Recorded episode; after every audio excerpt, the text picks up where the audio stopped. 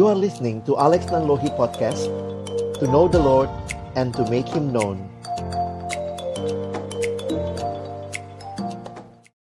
Mari kita berdoa sebelum membaca merenungkan firman Tuhan. Bapa di dalam surga kami mengucap syukur berterima kasih untuk cinta kasih dan anugerahmu bagi kami. Kembali hari ini Tuhan mengumpulkan kami.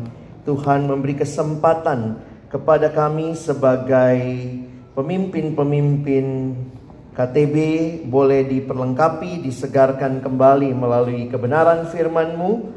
Biarlah setiap bagian yang kami baca dan renungkan menolong kami kembali. Boleh menghayati panggilan yang Tuhan berikan. Dan tolong kami ya Tuhan bukan hanya jadi pendengar-pendengar firman yang setia. Tapi mampukan kami dengan kuasa dari rohmu yang kudus. Kami dimampukan menjadi pelaku-pelaku firman-Mu di dalam kehidupan kami. Bersabdalah ya Tuhan kami umatmu sedia mendengarnya di dalam satu nama yang kudus. Nama yang berkuasa, nama Tuhan kami Yesus Kristus. Kami menyerahkan pemberitaan firman. Amin. Shalom. Apakah lampu ini bisa dinyalakan? Saya tidak pakai PowerPoint soalnya. Ya teman-teman, uh, saya bersyukur kepada Tuhan kesempatan boleh melayani kembali di sini. Kita nggak mau nonton film ya. Oke, okay. um, sedikit ini aja ya masukan. Tadi lagunya bagus tapi kurang pas. Kenapa? Kalau kalian PA dengan baik, coba buka Mazmur 23. Saya boleh dikasih nggak ada yang salah dengan kalian ya. Saya pun juga dulu tahunya lagunya begitu. Tapi sebenarnya lagu juga ada mood emosinya. Jadi saya baru ngeh juga, iya ya lagunya ternyata salah penggal. Karena lihat ayatnya, sekalipun aku berjalan dalam lembah kekelaman, koma, aku tidak takut bahaya. Itu satu bagian. Jadi nggak pas, memang emosi lagunya. Sekalipun aku berjalan dalam lembah kekelaman, jreng, terus. Nah, makanya beberapa orang menyanyikannya dinaikin belakangnya. Aku tidak takut bahaya sebab Tuhan besertaku. Jadi, tapi nggak saya pun awalnya taunya lagunya memang aslinya begitu. Banyak lagu itu apa ya? Someday we need to sing with understanding. Banyak lagu-lagu yang memang cukup ambigu, Nada dibuat juga ya namanya nada ya. Nada itu kalau orang yang membuatnya biasanya dia pasti punya maksud begitu. Jadi uh, kayak tadi saya begitu ingat lagu ini oh iya ya ini salah satu lagu yang perlu diingatkan supaya kalau kalian nyanyiin lagi jangan jangan berhenti sampai di situ ya. Sekalipun aku berjalan dalam belah kekelaman. So what? Gitu ya. Aku tidak takut bahaya sebab engkau besertaku. Banyaklah lagu begitu ya. Kenapa? Karena belum tentu yang menciptakan lagu PA-nya bagus gitu ya. Banyak lagu-lagu yang katanya berdasarkan firman gitu ya. Apa yang kau alami kini mungkin tak dapat engkau mengerti. Satu hal berapa banyak yang tahu gitu? Masih ada yang tahu lah ya. Generasi agak tua ya kalian ya. Satu hal tanamkan di hati indah semua yang Tuhan beri. Tuhanmu tak akan memberi ular beracun. Roti. Coba lihat Matius 7-nya. Itu bukan roti kan? Apa yang di situ? Ikan. Ya. Adakah orang yang memberikan kepada anaknya batu jika ia minta roti dan ular jika dia minta ikan? Kenapa? Jangan heran kalau PA dengan baik di Palestina batunya mirip roti atau rotinya mirip batu. Di Palestina ikannya mirip ada yang ikan panjang-panjang yang mirip ular. Jadi itu nggak kebetulan dibikin begitu. Kalau Bapak dunia aja dari dua hal yang kelihatan sangat mirip bisa tahu yang terbaik buat anaknya, apalagi Bapak di surga. Jadi kalau Tuhan muta akan memberi ular beracun pada yang minta ikan, tapi jelek ya. Kita udah tahu dari dulu roti gitu ya. Jadi memang Uh, saya concern dengan nyanyian ya Singing with understanding is one of the things yang mesti kita kembangkan Banyak lagu-lagu saya masih nyanyikan Tapi jujur aja sebenarnya itu agak ambigu Kenapa lagu-lagu lama itu cukup bertahan? Karena di zaman yang dulu pencipta-pencipta lagu yang misalnya ada di Kidung Jemaat dan seterusnya, mereka di generasi itu belajar teologi ya, sehingga mereka bisa cipta lagu dengan baik. Sekarang kan ya apa terantuk bikin lagu dengan Tuhan, aku terantuk misalnya apa gitu ya, kayak lagu dangdut aja gitu ya. Mati lampu bikin lagu gitu ya. Sehingga belum tentu sangat teologis. Jadi hati-hati dengan lagu. Misalnya lagu apa ya? Um, apa tuh? uh, Ku mau sepertimu Yesus. Bagaikan bejana siap dibentuk. Saya masih nyanyi sih lagu itu ya. Cuma bingung kan Sudah jadi bejana gimana mau dibentuk? Di Alkitab yang dibentuk apa? Tanah liat. Jadi nanti kalau saudara jadi MC kalian yang bertugas Teman-teman biarlah seperti tanah liat di tangan penjunan. Kita menyerahkan diri kita dibentuk oleh Tuhan. Mari nyanyikan bagaikan bejana. Tapi paling tidak orang sudah melekat gitu ya. Sudah melekat ada tanah liat ya karena Alkitab nggak bilang bagaikan bejana siap dipecahkan. Udah jadi mau diapain?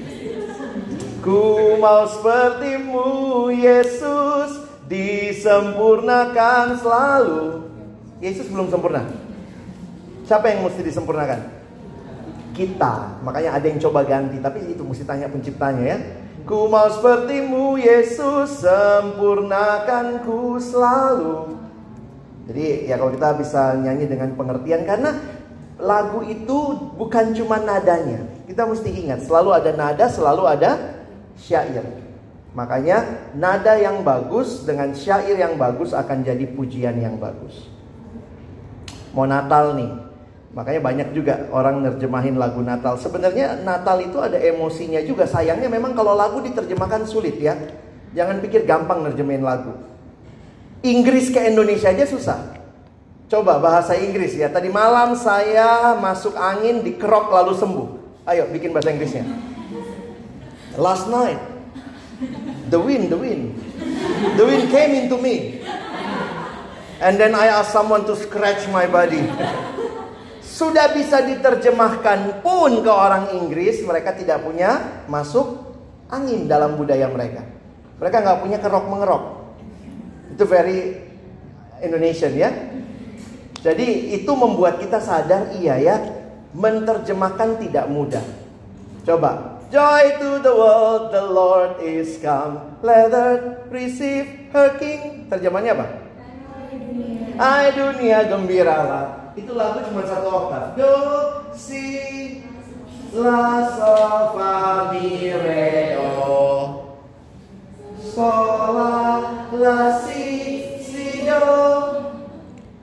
tidak kebetulan penulis lagunya kalau bahasa Inggrisnya menaruh joy-nya di mana? Di nada paling Joy to the world, the Lord is Allah turun, Yesus turun dari surga paling tinggi sampai yang paling rendah. Joy to the world, the Lord is come. Indonesia? Hai dunia gembiralah. Gembira nada paling rendah. My goodness, saya nggak setuju. Ya. Jadi itu juga kalau kalian ngerti ya. Makanya jangan lupa tidak semua terjemahan bagus. Itu satu-satunya terjemahan apa? Salah satu terjemahan Kidung Jemaat yang saya nggak terlalu setuju. Karena nadanya ditaruh paling rendah. Mungkin bagusnya apa? Ada ada terjemahan lain lagu itu Indonesia-nya? Dunia gemar sepak bola. Ada yang masih nyanyi lagu itu nggak? Kalau kamu di gerejamu nggak pakai kidung jemaat, mungkin itu versimu. Dunia gemar dan soraklah. Atau apa lagi? Versi lama. Kesukaan bagi dunia. Zaman saya jadi MC di kampus, yang sibuk kami cari kalau mau jadi MC itu bukan kata-kata motivasi. Terjemahan lagu yang paling pas sama asli. Jadi setiap generasi punya berhalanya. Berhala generasi saya adalah mana aslinya, mana yang paling pas sama asli. Kalau generasi kalian berhalanya kata-kata motivasinya itu sampai di CO semua. Ya. Kalau kami kata motivasi itu nggak penting. Yang penting adalah lagunya pas, versinya benar-benar asli. Oh, dulu begitu ya.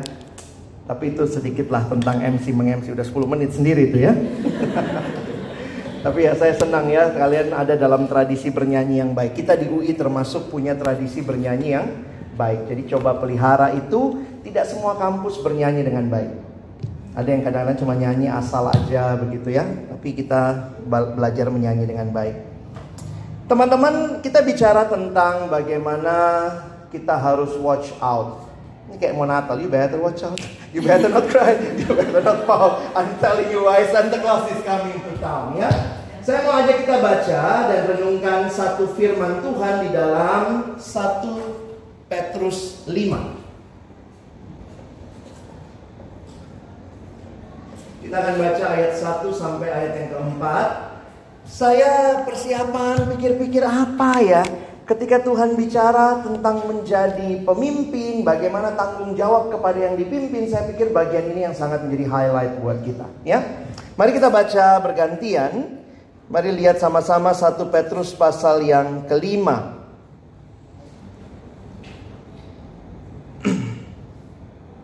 Mari kalau sudah ketemu kita baca bergantian ayat yang pertama sampai dengan ayatnya yang keempat. Mari saya baca ayat 1, kalian baca ayat 2, kita bergantian sampai ayat 4. Aku menasihatkan para penatua di antara kamu, aku sebagai teman penatua dan saksi penderitaan Kristus yang juga akan mendapat bagian dalam kemuliaan yang akan dinyatakan kelak.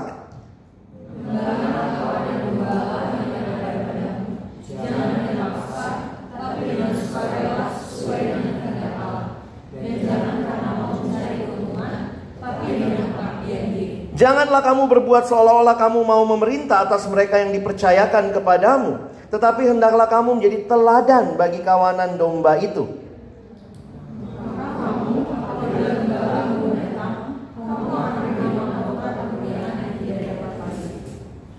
Teman-teman yang dikasihi Tuhan, kalau kita memperhatikan nasihat Rasul Petrus dalam bagian ini, saya pikir begitu luar biasanya pasti transformasi yang terjadi pada diri Petrus. Perhatikan bahwa dia awalnya adalah seorang nelayan. Makanya ada yang bilang Tuhan Yesus waktu panggil kan menarik ya. Mari kamu akan kujadikan penjala manusia. From fisherman. Nah menarik sekali di bagian akhir kitab Yohanes ketika Tuhan Yesus panggil Petrus dia bilang Petrus mari ikutlah aku kamu akan kujadikan. Uh, sorry waktu Yesus tanya Petrus tiga kali dia menyangkal Yesus. Waktu kemudian Yesus memulihkan dia Yesus tanya satu pertanyaan tiga kali. Petrus apakah engkau mengasihi aku? Waktu Petrus jawab ya Tuhan aku mengasihimu. Apa kalimat berikutnya? Gembalakanlah domba-dombaku. Nah, itu muncul di suratnya. Makanya saya katakan ini pasti sangat berkesan buat Petrus sampai dia tidak menggunakan uh, menjadi penjala manusia, tapi dia bicara penggembalaan. Ngerti apa Petrus tentang penggembalaan? Mungkin kamu bingung juga gitu ya. Makanya ada satu buku yang pernah ditulis menuliskan begini, Petrus itu from fisherman to shepherd. Ini satu hal yang menarik untuk kita perhatikan. From fisherman to shepherd. Kenapa ilustrasi yang menarik salah satunya di Alkitab tentang kepemimpinan adalah ilustrasi gembala sama domba. Gembala bicara yang memimpin, domba bicara yang dipimpin. Kalau kalian perhatikan, bahkan dari beberapa pemimpin yang Tuhan panggil ada yang mantan gembala. Contohnya Musa. Contohnya lagi Daud. Jadi saya pikir perlu juga ya kita menghayati tentang relasi gembala sama domba. Kenapa? Karena ini relasi yang khas Kristen. Ya. Kita pun di gereja sekarang manggil ya beberapa gereja ya, Pak pendetanya dipanggil Pak Gembala. Kalau saya dipanggil gitu Pak Gembala ya anak domba. Itu kan domba loh berarti ya. Itu menolong kita menghayati bahwa ada gambaran yang unik di situ. Yang memimpin disebut gembala, yang dipimpin disebut domba. Kenapa demikian? Apa yang unik? Nah, teman-teman, kita perlu mungkin ya, uh, ada yang di sini di rumah punya pet, punya hewan, ada yang pelihara domba. Hah? Kenapa nggak pelihara domba ya? Apa yang dipelihara? Anjing gitu ya. Anjing ada yang bilang, iya anjing lucu bang, selain lucu juga enak loh. Ih, kamu nggak berperi ke kebinatangan banget ya. Ada yang coba menghayati begini. Mungkin kita perlu juga ya pelihara domba teman-teman. Supaya kita menghayati kedombaan. Kenapa? Karena mungkin kita harus memahami anatomi domba yang beda sama hewan-hewan lainnya.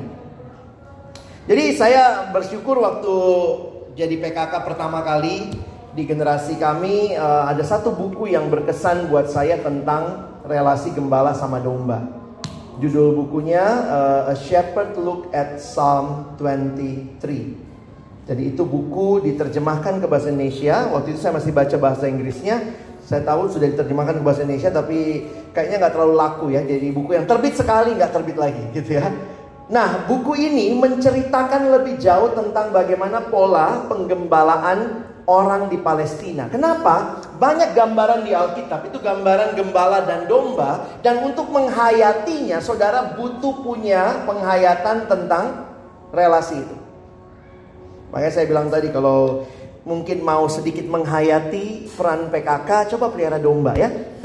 Jadi biar kamu lebih menghayati apa artinya. Nah, beberapa anatomi dari domba atau saya bicara inilah ya langsung masuk kepada domba ini hewan yang ya semua hewan pasti punya kekuatan punya kelemahan. Kita lihat dulu kuatnya ya. Domba punya kekuatan. Apa kekuatannya? Pertama kuat makan. Itu kekuatan gak sih? Itu kelemahan atau kekuatan gitu ya? Jadi domba itu kuat makan dan kuat berdiri Jadi kalau kita menghayati ini, mungkin kita nggak pernah membayangkan Mazmur 23 itu sangat indah kalau ngerti kedombaan. Domba dikatakan hanya mau berbaring kalau cukup makan. Domba beda sama anjing. Anjing kita kitik-kitik, ah, langsung dia pasrah sempurna gitu ya. Domba hanya mau berbaring kalau dia cukup makan. Tapi jangan lupa makannya banyak. Jadi karena dia makan banyak, maka tidak ada rumput yang tumbuh dalam satu malam. Habis makan, rumputnya itu botak. Sehingga menarik sekali gambaran. Tuhan adalah gembalaku, takkan kekurangan aku. Ia membaringkan aku, berarti cukup makan di padang yang berumput hijau. Waktu saya bangun lagi mau makan, ada tersedia. Ini unik sekali gambaran ini yang kita mungkin nggak hayati kalau kita nggak pernah pelihara domba. Kita mungkin mikir domba mirip kayak anjing begitu ya. Domba juga kuatnya di pendengaran. Kalau kalian uh, menghayati yang Yesus katakan, setiap dombaku kenal suaraku dan aku panggil mereka dengan nama mereka masing-masing. Domba juga hewan yang sangat peka sama kasih sayang. Jadi saya kaget juga tuh waktu dikatakan orang-orang Yahudi yang menggembalakan domba itu tahu nama dombanya. Gimana? Kalau kita lihat mirip semua ya, semua sound the sheep gitu ya. Tapi ternyata ada beda-bedanya.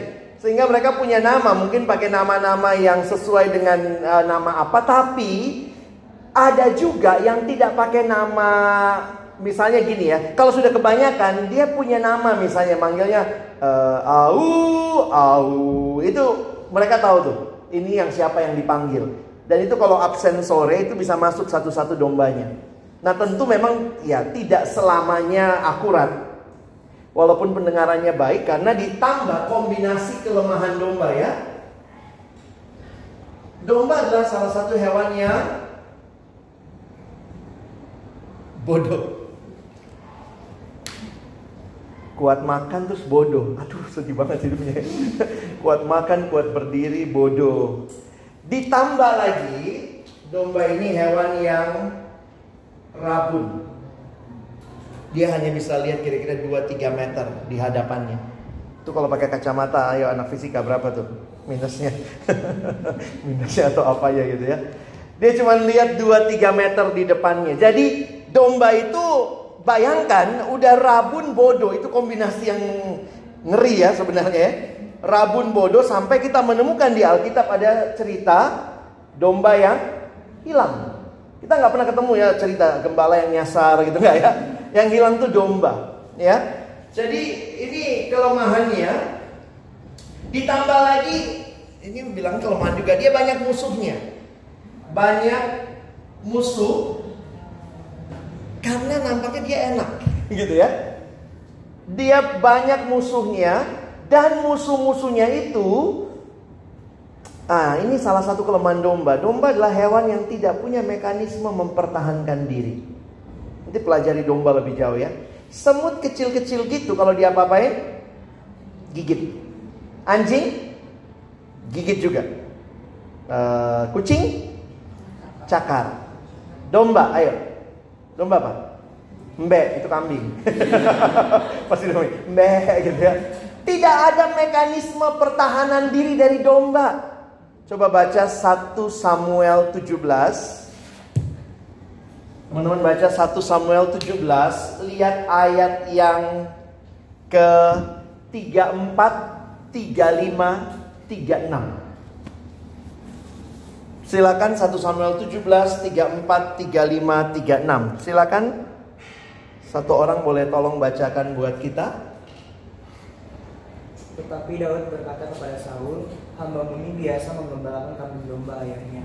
Apabila datang singa atau beruang yang menerka, menerkam seekor domba dari kawanannya, maka aku akan mengejarnya, menghajarnya dan melepaskan domba itu dari mulutnya. Kemudian apabila ia berdiri menyerang aku, maka aku menangkap janggutnya lalu menghajarnya dan membunuhnya. Baik singa maupun beruang telah dihajar oleh hambamu ini. Dan orang Filistin yang tidak bersunat itu, ia akan sama seperti salah satu daripada binatang itu, karena ia telah mencemooh barisan daripada Allah yang hidup. Ketika Daud mau maju melawan Goliat, lalu Saul bilang, "Emang lu bisa?" Lalu Daud kasih CV-nya. CV-nya apa? Gembala.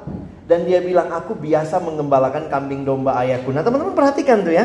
Ketika ayat yang ke-34, jika atau apabila datang singa atau beruang yang menerkam seekor domba dari kawanannya, maka ini lihat kata kerja aktifnya. Aku mengejarnya, menghajarnya, melepaskan domba itu dari mulutnya. Kemudian apabila ia berdiri menyerang aku, maka aku menangkap janggutnya lalu menghajarnya dan membunuhnya. Dombanya ngapain?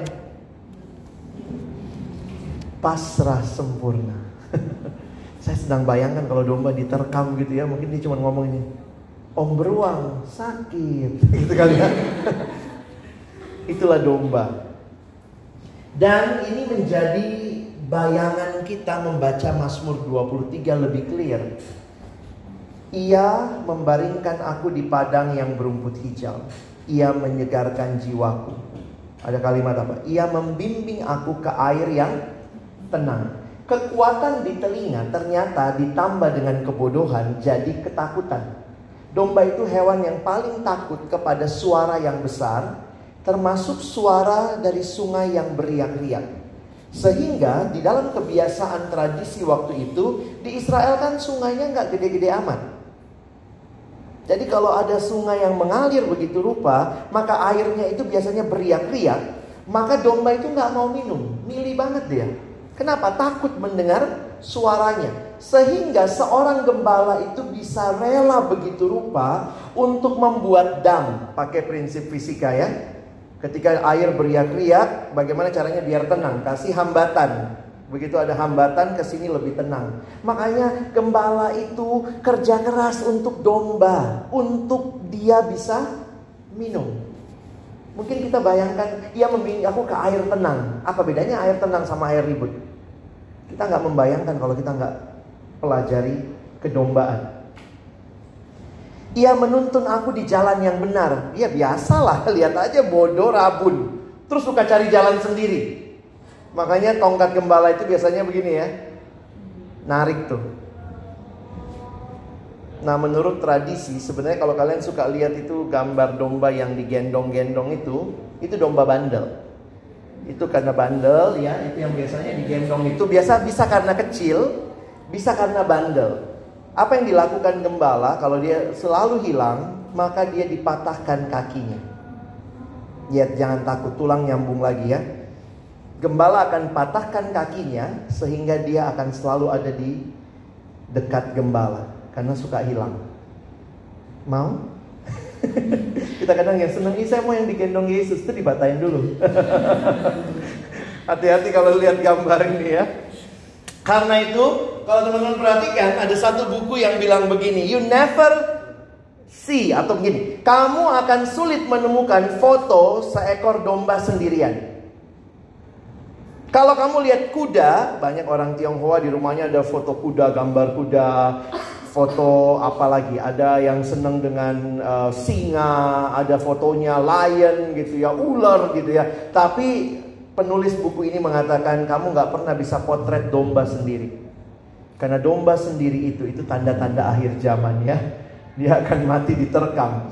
Domba akan selalu dipotret bersama gembalanya. Masih ingat waktu Yesus bilang, sedih sekali umatku, mereka seperti domba tidak bergembala. Domba tidak bergembala itu cuma satu kata, binasa. Makanya Yesus mengatakan, mintalah kepada Tuhan yang mempunyai tuayan supaya dia kirimkan lebih banyak pekerja untuk domba-dombanya. Jadi kalau saya memperhatikan sampai kalau kita lihat di Mazmur 23 waktu dikatakan di dalam lembah kekelaman aku tidak takut bahaya. Sebab apa? Ada dua hal dikatakan. Gadamu Gada itu untuk mukul hewan buas itu ya yang dimiliki oleh sang gembala dan tongkatmu. Kalimatnya menarik. Gadamu dan tongkatmu itulah yang menghibur aku. Pernah nggak dihibur sama tongkat? Gimana caranya? Kalau kamu dihibur sama tongkat gitu ya, kalau lihat guru kita, kalau saya masih alam itu guru yang mukul anak gitu ya. Kalau lihat tongkat mah apa penghiburan itu ketakutan semua ya, nggak kerjaan PR, angkat semua tangan gitu ya. Dia lewat cuma tak tak tak gitu ya. Tongkat itu menghibur, tapi ingat itu di lembah kekelaman. Gimana caranya bisa menghibur? Tongkat sang gembala akan dia hentakkan Dan setiap kali domba yang kuat pendengaran, meskipun rabun, lembah kekelaman begitu gelap, tapi mendengar suara tongkat itu, mereka sadar sang gembala dekat. Karena itu gadamu untuk menghalau musuh-musuh, tongkatmu itulah yang menghibur aku. Makin belajar gambaran ini, saya pikir pasti Petrus terkesan Sampai waktu Yesus bilang gembalakan domba-dombaku Di dalam surat 1 Petrus Dia ulangi Teman-temanku penatua Gembalakanlah kawanan domba Allah Gambaran ini saya pikir Tuhan pas banget ya Siapakah gembala? Sorry ya Kalau kita bicara gembala Gembala itu adalah Tuhan sendiri Siapakah domba? Sorry ya gembala ini Tuhan muridnya ya. Jadi sebenarnya kalau teman perhatikan gambaran gembala dan domba ini ini satu gambaran yang sangat kuat yang Tuhan berikan menunjukkan ciri. Cirinya apa? Inilah.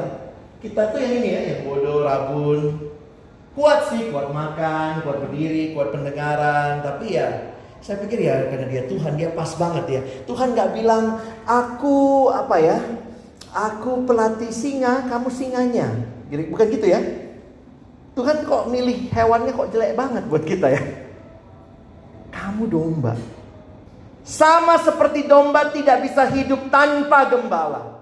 Then you need me as your shepherd. Makanya kalau kalian baca cerita Natal, ingat ketika para gembala sedang menggembalakan kawanan ternak mereka di padang. Gembala itu akan selalu bersama dombanya. Makanya cerita Natal itu gembalanya bareng sama domba. Ini satu pekerjaan yang memang sangat rendah di klasifikasi orang Yahudi. Gembala itu salah satu pekerjaan kasar. Kenapa? Karena orang yang menjadi gembala hampir pasti nggak bisa ikut PO. Nggak bisa ikut kebaktian. Kenapa? Gara-gara dombanya. Ceritanya bagaimana? Kenapa mereka tersingkirkan dari klasifikasi orang Yahudi? Karena mereka tidak bisa ikut kegiatan keagamaan. Tapi menarik ya, berita Natal justru datang pada mereka. Kalian tahu kenapa? Gembala itu kan bawa domba. Domba banyak, makan. Makan di padang rumput ini satu dua hari padang rumputnya tipis, botak, dia mesti pindah lagi. Terus pindah lagi. Terus pindah lagi. Sampai dia mungkin balik ke tempat semula. Itu bisa satu bulan baru balik lagi ke sini. Jadi nggak dia nggak bisa ikut PO setiap Jumat. Makanya dia ditaruh paling rendah. Tapi Tuhan berikan berita Natal itu justru kepada mereka. Hari ini telah lahir bagimu juru selamat, yaitu Kristus Tuhan di kota Daud. Nah, jadi teman-teman, mari hayati kita ini cuma domba, jangan sombong. Loh, tapi sekarang saya gembala, Kak. Gembala, Bang. Saya sekarang jadi pemimpin KTB. Saya kan gembala ceritanya. Betul. Tapi kamu sebenarnya adalah domba yang diangkat jadi gembala. Tetap kamu domba. Kamu adik yang kau pimpin, anak-anak yang kau pimpin itu domba yang lebih bodoh. Kau domba yang bodohnya lah. Kita masih bodoh nggak? Atau ada yang sudah, oh saya sudah luar biasa kak. Saya sama Tuhan Yesus cuma beda tipis. Kadang-kadang di pelayanan gitu kita suka lupa diri ya. Apalagi kalau jadi pengurus makin naik, makin naik. Oh sekarang udah ketua, wih persis sedikit di bawah Yesus. Oh saya pemimpin KTB, pemimpin kelompok kecil. Ingat kamu dan saya tetap murid, tetap domba. Yang harus terus bergantung kepada Tuhan. Jangan nyuruh anak kelompok kecil kita, anak KTB kita. Kamu bergantung sama Tuhan. Saya udah lewat. Gak bisa. Itu satu realita yang Tuhan mau kita ingat. Engkau dan saya butuh penggembalaan Tuhan senantiasa. Kalau PKK melupakan hal ini, pemimpin KTB melupakan hal ini, mungkin kau akan merasa kekeringan. Mulai capek, mulai hitung-hitungan, anaknya nggak datang, kamu doanya doa kutukan gitu ya. Terkutuklah kamu nggak datang gitu ya. Biasanya ketika kita merasa puas pada diri kita, merasa kita telah berkorban, kita lah segala-galanya. Saya sudah beri waktu, saya beri apa, lalu mulai hitung-hitungan kita lupa. Domba itu bodoh. Sebenarnya kita juga kayak gitu nggak sih dulu sama pemimpin KTB kita? Ada yang sangat setia dari awal? Oh puji Tuhan kalau ada ya, pasti ada juga. Ada yang begitu lihat pemimpin KTB muter. Kenapa jalan-jalan kampus? saya ngalamin tuh awal-awal gitu ya. Lihat, ketika lihat pemimpin KTB saya, pemimpin KTB saya dari teknik. Ini ya, karena anak teknik bantu kami. Jadi saya dari teknik pemimpin KTB. Jadi kalau dia datang tuh suka, udah ada tuh abang tuh ya, muter dikit ah agak lama-lamain gitu ya. Kenapa? Karena biasanya kan teman masih panggil dulu Lex ke sini kemari. Saya lihat dia nunggu. Ah dia kan nggak tahu visip ya. Saya divisip kan dia nggak tahu uh, demografi dan geografi visip ya. Jadi sudahlah dia timbul di situ aja. Nanti saya datang, ya bang, udah lama. Ketika saya jadi pemimpin kelompok kecil, pemimpin KTB, saya sadar ya. Kalau gue digituin, gue juga pernah gituin orang gitu ya. Gak lebih baik kok gitu ya. Dan masih harus kita ingat, pemimpin KTB, kita pun masih murid, masih domba yang bisa jatuh dalam dosa? Bisa. Bisa nggak setia? Oh bisa. Bisa lupa saat teduh? Oh bisa. Bisa nggak saat teduh? Bisa juga. Bisa marah sama Tuhan? Bisa juga. Kadang-kadang kita pikir kalau jadi pemimpin KTB, oh kita udah bebas dosa, adik-adik kita nih pendosa, pendosa, pendosa. Kalau kita ya itu menolong saya juga sadar ya. Tuhan terima kasih karena pada saat yang sama aku tetap dombamu. Ada kalimat yang menarik di akhir kitab Ibrani. Lihat Ibrani 13 ya. Mungkin kalian jarang baca bagian ini. Lihat Ibrani 13 sebentar ayat 20 dan 21. Ibrani 13 ayat 20 dan 21. Mari kita baca sama-sama. Satu, dua, ya.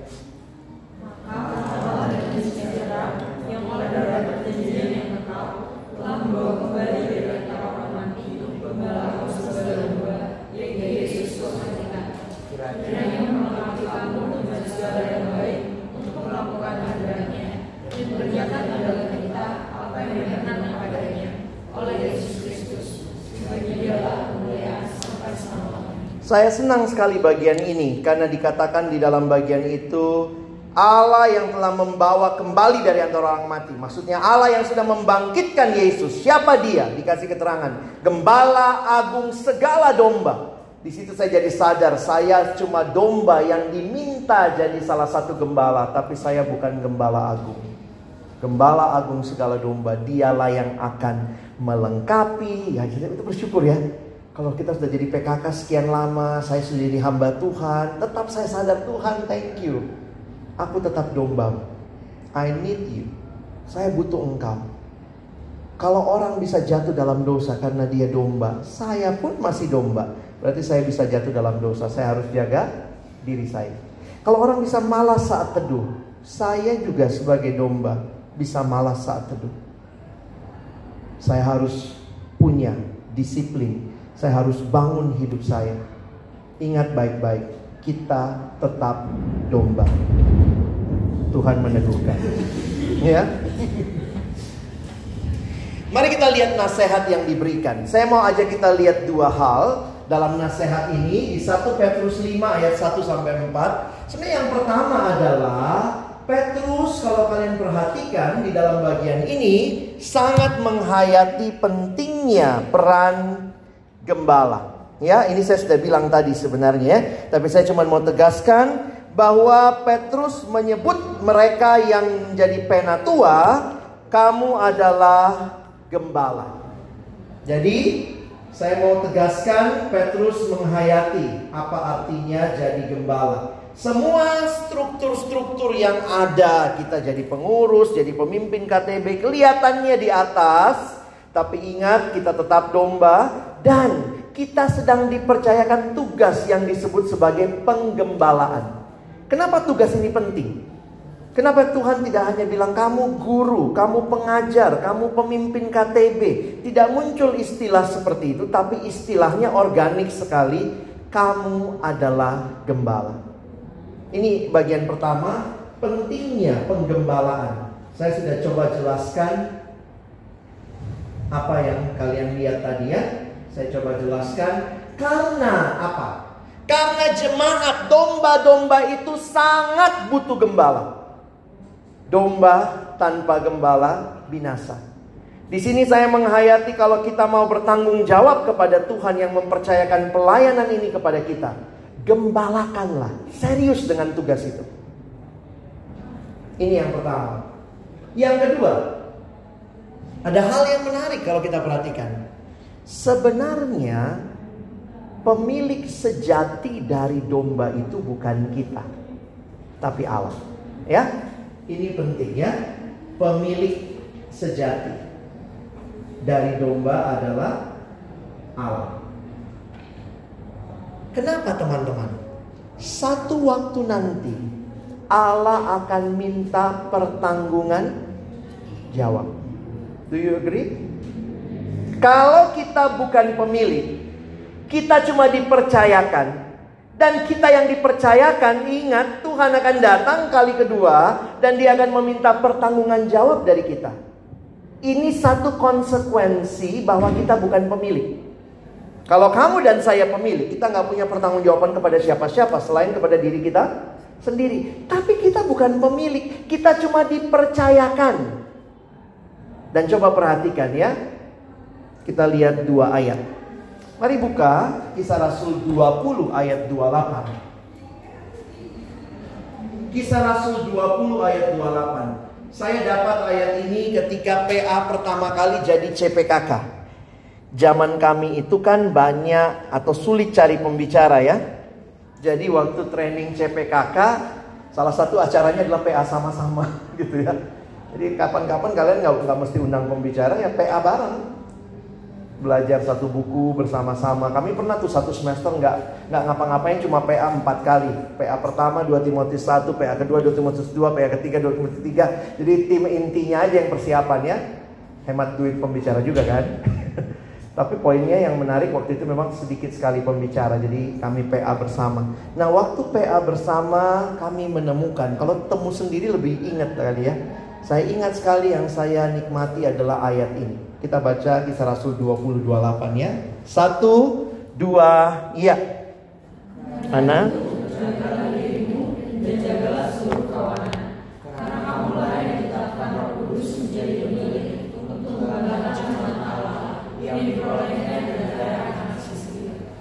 Domba itu milik siapa? Milik Allah, milik Yesus yang diperoleh dengan darah anaknya sendiri. Seberapa berharga domba yang kamu dan saya pegang di dalam KTP kita?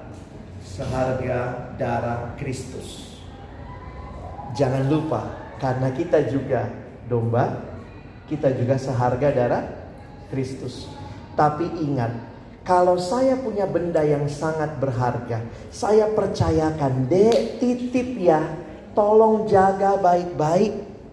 Nanti saya kembali. Maka harusnya kamu ingat, tugas ini ada pertanggungan jawab. Jangan cuma senang jadi pemimpin KTB, karena biasanya dengan demikian status kita naik dikit ya. Pemimpin KTB, pemimpin kelompok kecil,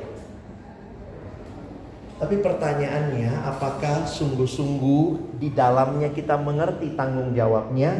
Kita sedang menggembalakan kawanan domba milik Allah yang diperoleh dengan darah anaknya sendiri. It's so precious. Sangat-sangat berharga. Hal kedua yang kita bisa lihat, mak mak maksud saya ayat kedua, Yohanes yang tadi ya 21 ayat 15. Coba lihat sebentar.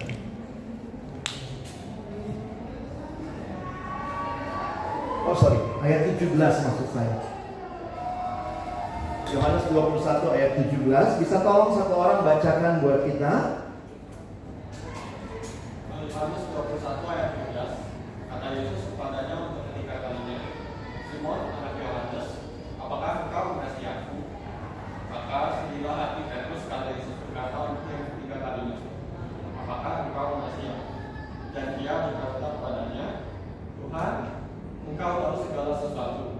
Engkau tahu bahwa aku mengasihi engkau.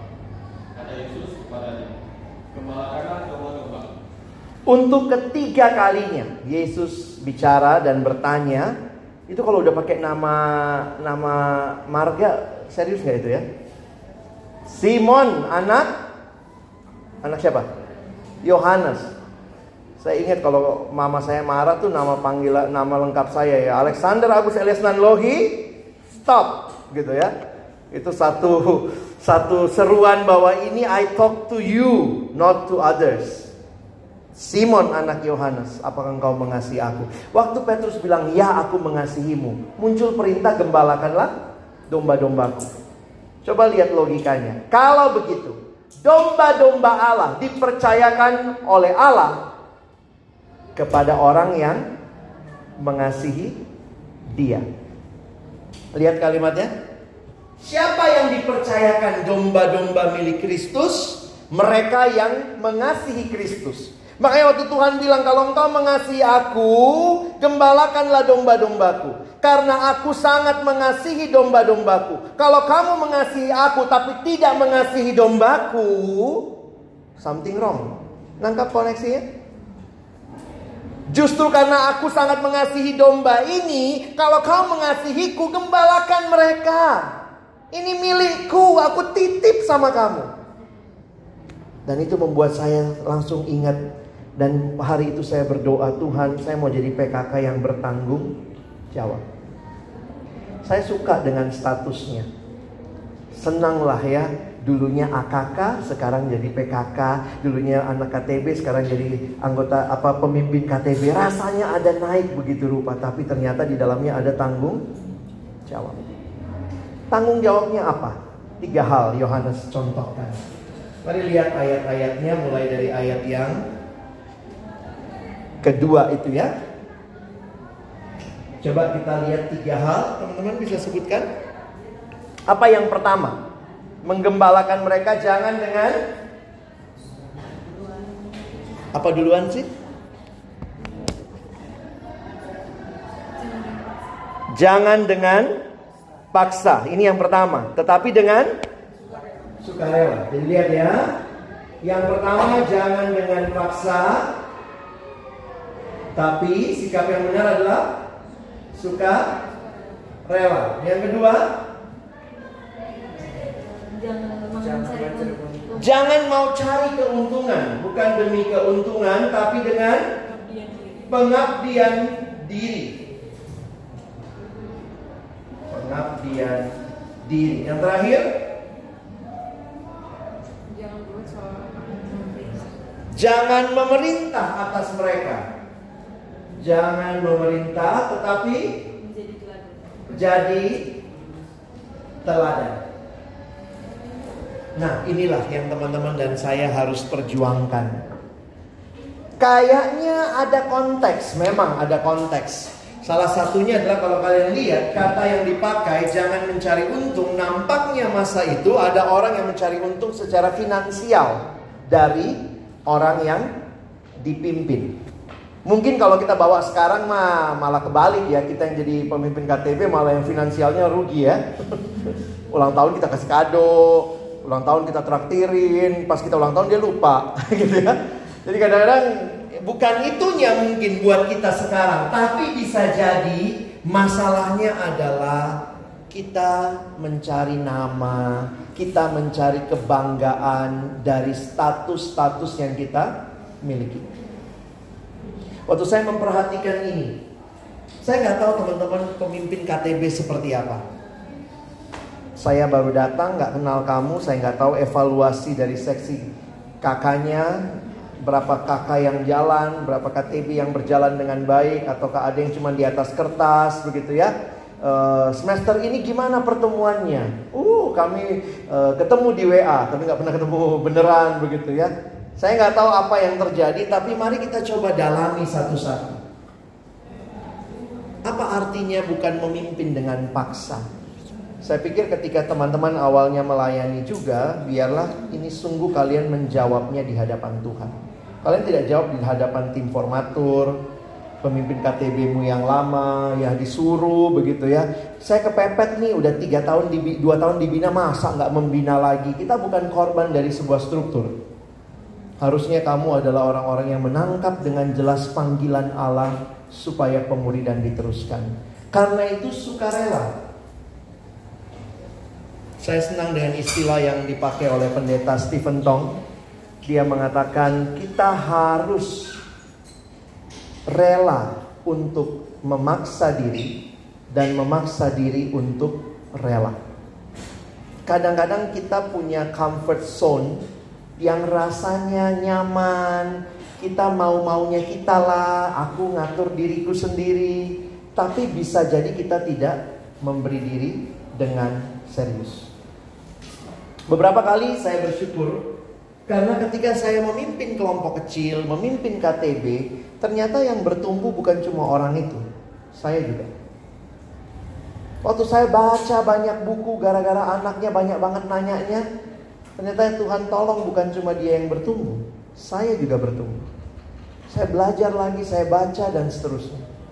Dan ada hal-hal yang menarik yang Tuhan sediakan di dalam persahabatan di dalam KTB.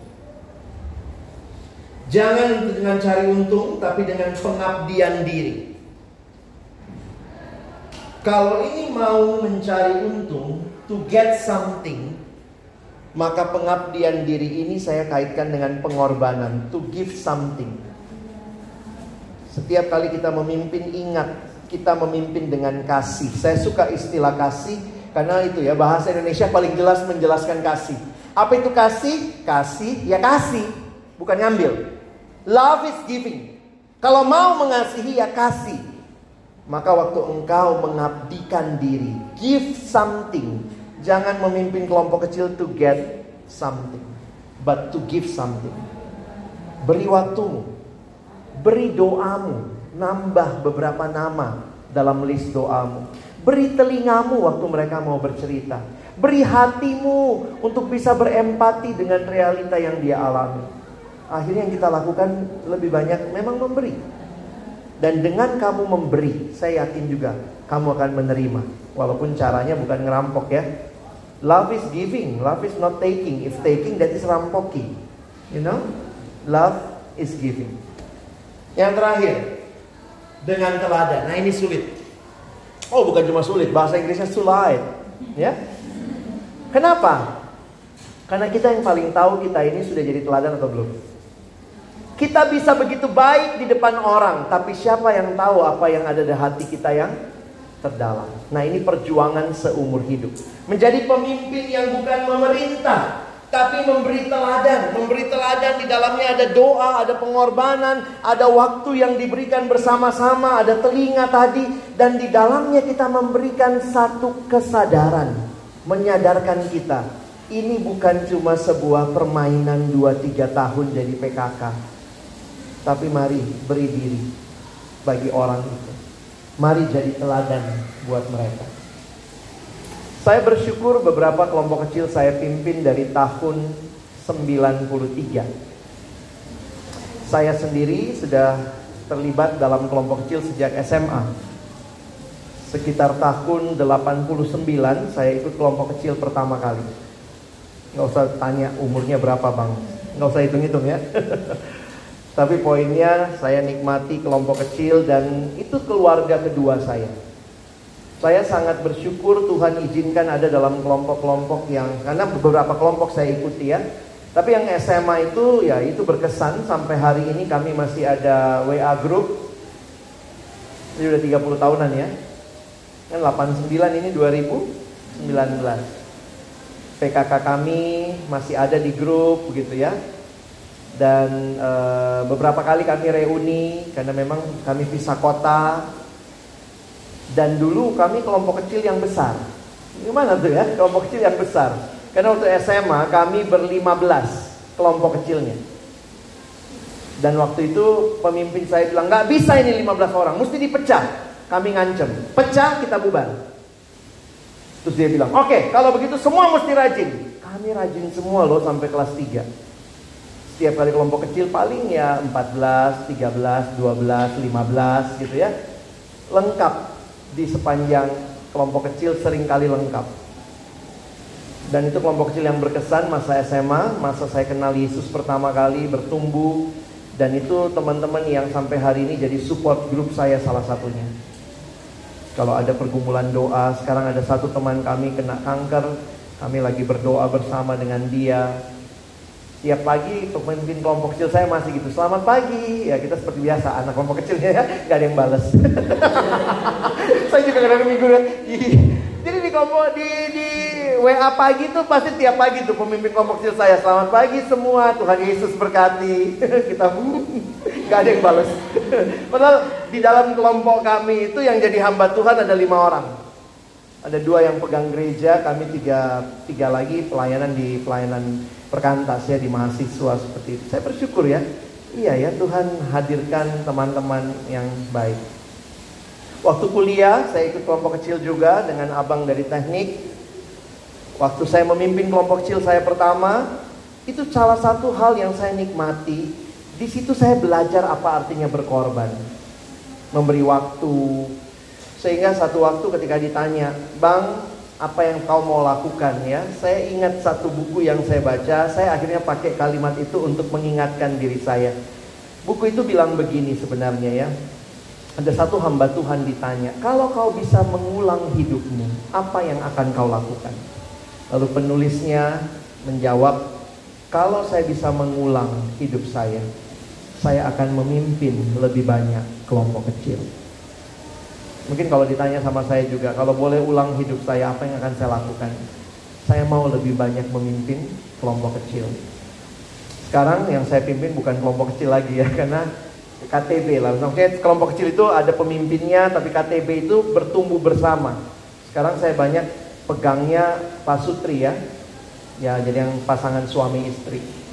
Ya di situ juga bertumbuh sama-sama. Kami ketemu, saling berbagi. Salah satu yang saya masih ketemu adalah adik-adik kelompok kecil saya zaman saya memegang mereka tahun 2003. Ini adik-adik siswa yang saya pegang dari SMA 1 Depok. Mereka saya pegang tahun 2003. Kami masih ada pertemuan sampai hari ini sebulan sekali. Apa yang dilakukan biar bisa ketemu akhirnya bikin arisan gitu ya. Aduh, jadi kami bikin arisan maksudnya gini ya supaya bisa ketemu dan kemudian sebelum ketemu biasanya ada kebaktian, kita belajar firman sama-sama. Jadi akhirnya saya melihat begini loh, mungkin yang kamu pimpin rasanya cuma satu dua tahun di kampus, tiga tahun di kampus, ini bukan proyek sementara.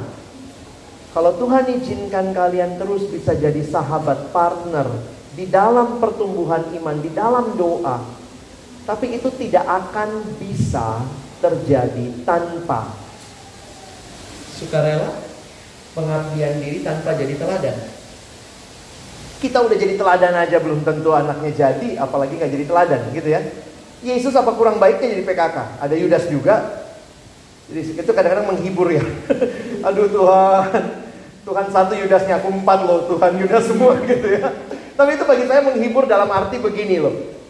Kesungguhan jadi bagian yang Tuhan mau kita lakukan.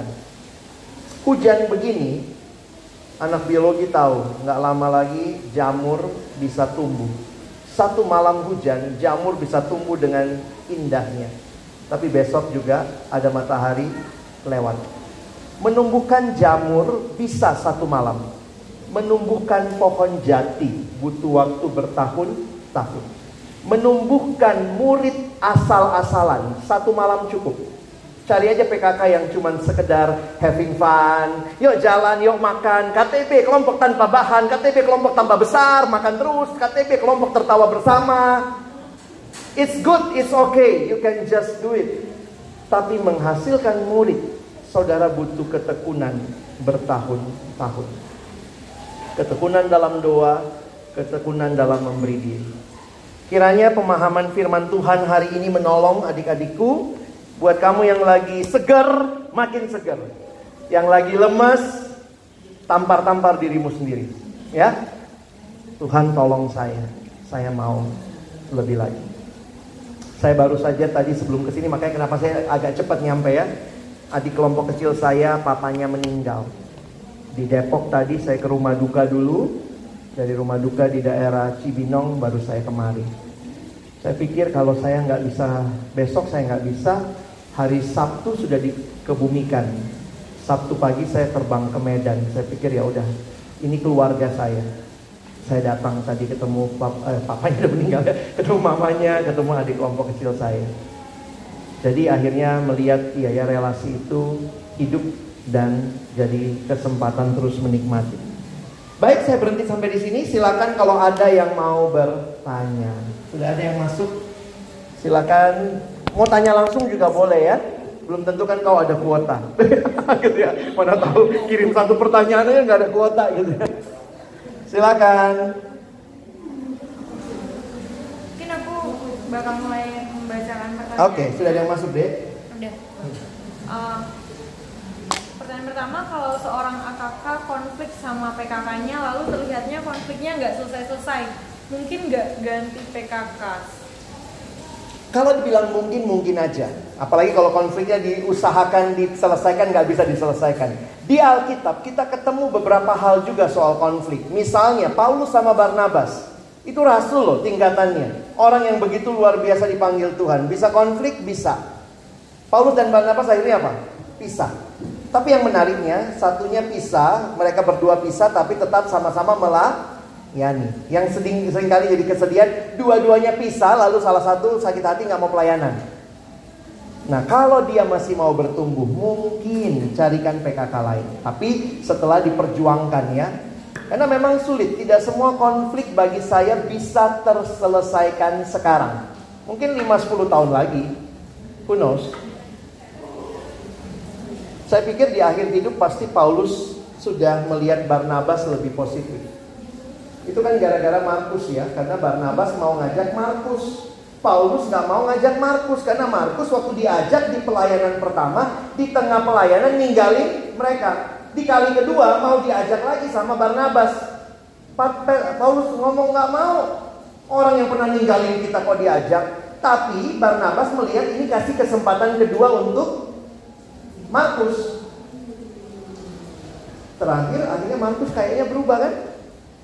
Nah, Markus berubah luar biasa. Sampai dia menulis Injil Markus. Nah, di akhir surat 2 Timotius itu surat terakhir Paulus. Paulus bilang apa? Jemputlah Markus dan bawalah kemari karena pelayanannya penting bagiku. Paulus sportif. Memang awalnya konflik gara-gara Markus, tapi begitu Markus berubah, Paulus bilang pakai dia lagi. Itu saya pikir orang yang siap melihat perubahan orang. Jangan gini, ah udah pastilah sekali dia nggak bagus, pasti nggak bagus sampai seumur hidup. Nggak boleh gitu ya. Ada lagi?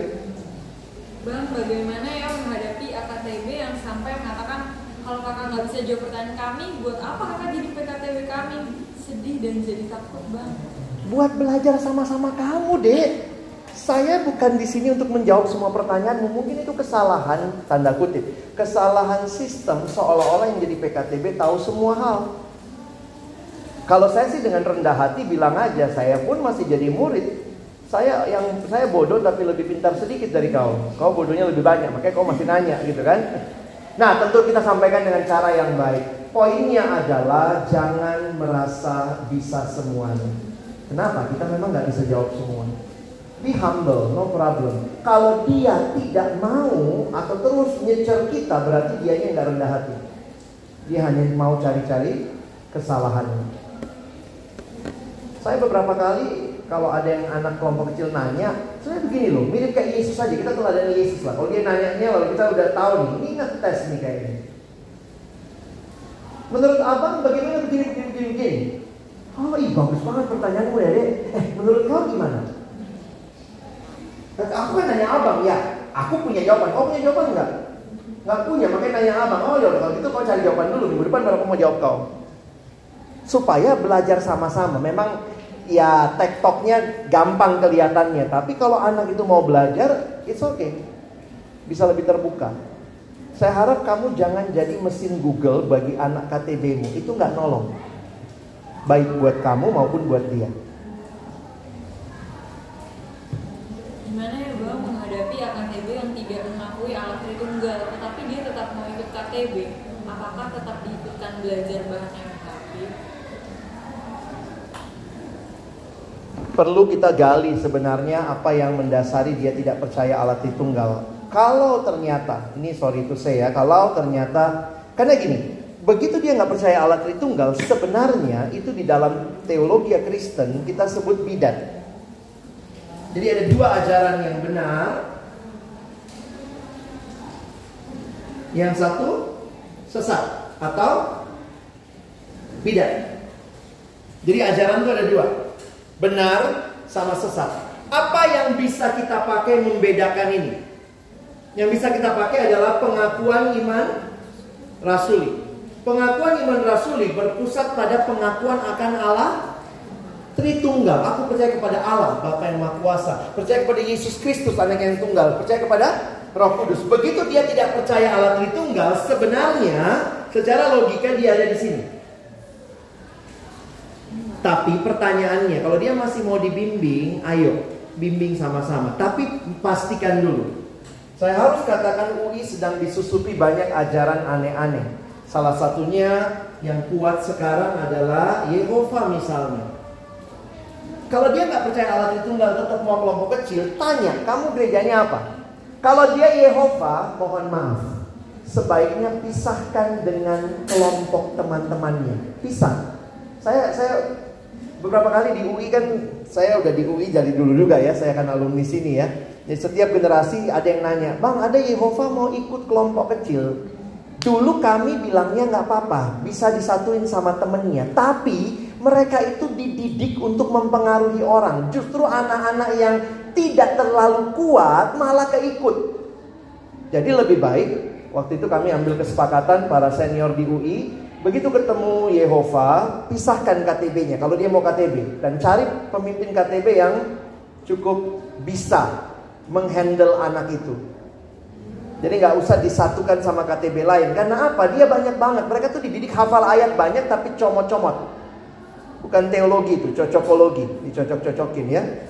Nah itu yang biasanya membuat anak-anak kita yang tidak banyak tahu ayat kaget. Ih hebat banget dia. Terus bisa jadi kamu PKK direndahkan. Karena apa? Anak itu lebih tahu banyak. Nanti teman-temannya akan lihat iya nih pemimpin kami nggak ngerti nih. Jadi pastikan kalau dia Yehova langsung pisahkan kelompoknya. Kalau dia ternyata bukan ajaran sesat, bukan bidat, dia hanya masih sulit menerima Allah Tritunggal, gerejanya sih gereja mainstream gitu ya, HKBP misalnya gitu ya. Dia pergi ke gereja-gereja yang ini mah gerejanya mah pengakuan iman rasuli banget, cuma dia masih bergumul dengan Allah Tritunggal, maka kita jadi orang yang menemani pergumulan dia. Apa yang bisa saya bantu deh? Bagian mana yang saya nggak ngerti? Oke, kalau abang nggak ngerti boleh nggak? Abang atau kakak saya pelajari minggu depan saya kasih ya. Mungkin yang kamu kasih lihat link di YouTube. Ada beberapa penjelasan yang baik di YouTube tentang alat Tritunggal. Tapi kalau dia memang aliran aneh-aneh, langsung ya. Nah, ini mungkin sedikit tambahan lagi ya.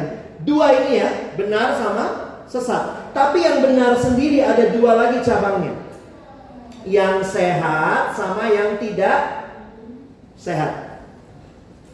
Apa sih bedanya? Yang tidak sehat biasanya memberikan penekanan berlebihan pada doktrin tertentu.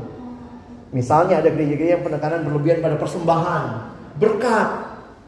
Nah, sebenarnya itu kategorinya tidak sehat, bukan sesat ya. Jangan bilang itu gerejanya sesat lah, jangan gitu. Ini kadang-kadang kita penggunaan istilahnya, saya suka bingung. Bang, ada gereja ini dekat rumah saya, dia sesat bang. Hah? Dia masih pengakuan iman rasuli nggak? Maksudnya bukan disebutkan, dia mengakui nggak Allah Tritunggal? Mengakui sih Yesus tetap Tuhan, tetap sih, cuman dia ngajarin begini. Oh itu tidak sehat. Tapi lucunya, yang sini bilang kau yang nggak sehat. Yang sini bilang kau yang nggak sehat. Nah itulah saling tuding menuding ya.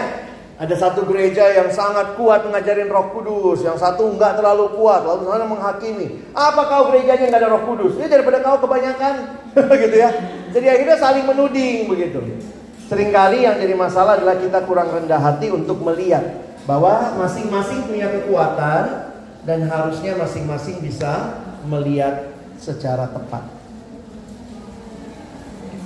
Bagaimana ya Bang ketika kita sebagai PKTB merasa kehilangan semangat dan merasa bersalah tidak mampu menjadi PKTB yang baik. Kalau panggilanmu jelas, sorry ya, saya bukan meragukan panggilanmu, tapi saya mau balik lagi ke titik awal. Kalau kamu meyakini yang memanggil kamu adalah Tuhan, maka mintalah kepada Tuhan itu semangat itu.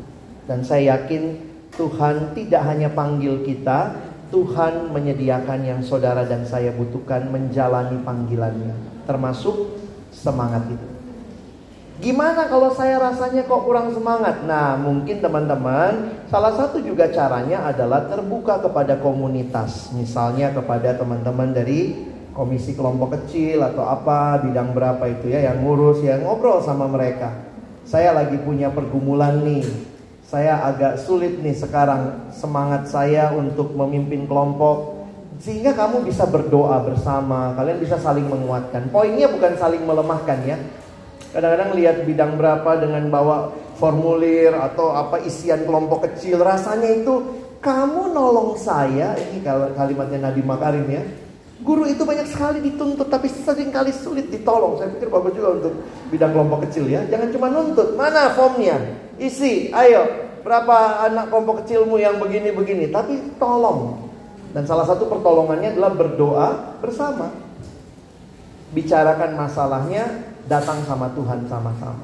Jangan berpikir kita selalu at the very high level of kerohanian ya. Sometimes up and down. Tapi kalau kita punya teman-teman, keterbukaan dan gini kali ya, kalau kalian punya kesiapan diri, kamu yang paling tahu kondisi dirimu, coba untuk cari cara mengatasi pergumulanmu sendiri. Saya nggak tahu, tiap orang punya cara masing-masing. Ada satu teman, dia membiasakan punya retret pribadi sebulan sekali. Ya karena udah dia hamba Tuhan juga, maksudnya setiap bulan tuh dia akan pasti ambil waktu. Misalnya retretnya nggak usah susah-susah dari pagi sampai sore, misalnya di rumah sendiri, tapi dia minta jangan diganggu, begitu ya, telepon di offin gitu. Itu cara dia untuk maintain spiritual uh, healthnya, uh, healthinessnya. Ada juga teman yang kalau dia sudah apa ya saya dengar dulu ada senior kami, dia pelayanan di Jepang. Dia kalau sudah mulai malas menginjili, malas pelayanan, dia pergi ke sauna. Ngapain ke sauna? Dia panasin tuh sauna. Terus dia rasa, kayak ginilah neraka, ngeri kali neraka, aduh panas kali neraka, ah keluar lagi aku penginjilan lagi. Karena kalau enggak orang masuk neraka, serem banget. Jadi itu cara dia mengingatkan dirinya. Saya nggak tahu caramu bagaimana, tapi kamu sebaiknya punya cara. Saya salah satu caranya untuk recover kalau udah capek tidur. Nah itu bagus juga tuh tidur ya. Ada satu buku rohani saya baca waktu itu. Buku ini bilang ini ya. Kalau saudara sedang mengalami keletihan, maka mungkin hal terbaik yang saudara butuhkan sekarang adalah tutup buku ini dan tidur. Oh itu satu-satunya buku yang sangat saya ingat gitu ya. Buku yang begitu baca, wow, tutup buku ini dan tidur. Saya lakukan, tutup tidur. Ah, seger lagi. Mahasiswa itu kadang tidurmu nggak benar, benar nggak? Kenapa? Tugas, tugas, tugas. Benar sih tugas, tapi matamu udah mata panda, gitu ya udah plus panda panda jelek lagi gitu kali ya ada lagi Ada. Gimana ya bang menghadapi AKTB yang suka nunjukin pemberontakannya eh, kata-kata kasar selama KTB berlangsung? ini kalian memimpin KTB-nya baru apa lama sih? Kayaknya anak-anak yang kalian belum training ya belum dijinakkan ya baru ya baru memimpin. Dan ini kaget-kaget gitu ya. Ngeri-ngeri kali anak ini ya Saya selalu ingat, setiap kali saya ketemu anak KTB, justru kalau saya ketemu anak KTB yang agak baik, saya kagum sama Tuhan. Wow, dombanya mungkin sudah pernah ikut di tempat lain kali ya penggembalaannya. Kalau kamu ketemu yang agak-agak brutal, binal, nakal gitu ya, oh, ingatlah, ah buta, bodoh, kau rabun kau gitu ya. Justru kitalah yang Tuhan percayakan membimbing mereka. Kayak gitu ya teman-teman ya. Mungkin kamu perlu tahu lebih dalam. Orang yang masih mau datang KTB Sebenarnya bagi saya Dia masih punya keinginan untuk terbuka. Walaupun mungkin dia nggak tahu bagaimana caranya. Bisa jadi pergumulan keluarganya. Memang ini seni ya Memimpin orang itu nggak ada teorinya. Hal ini berlaku sama yang satu nggak berlaku sama yang lain. Mana tahu jadi saya saya kena memimpin anak siswa. Siswa itu lebih apa dia Siswa itu lebih terbuka, biar laki-laki lebih terbuka afeksinya. Jadi adalah ya anak kelompok kecil saya itu dekat banget gitu ya. Kalau lagi, dek, maksudnya kalau saya lagi deket dia gitu ya, dia datang deket gitu. Kadang-kadang ngasih nyender, kasih kepalanya, mau gini gini gini ya. Anak siswa kan. Kalau saya lagi duduk apa lagi nunggu KTP, mau dia tidur di pangkuan saya gitu ya. Jijik juga saya awalnya apa sih ini ya. Ada apa ini? Karena afeksi tiap orang beda cara dia menunjukkan. Yang satu saya pegang kepalanya, apa sih? Gitu ya. Apa sih abang? Gitu ya. Yang satu kayak dia dari kepalanya gitu ya.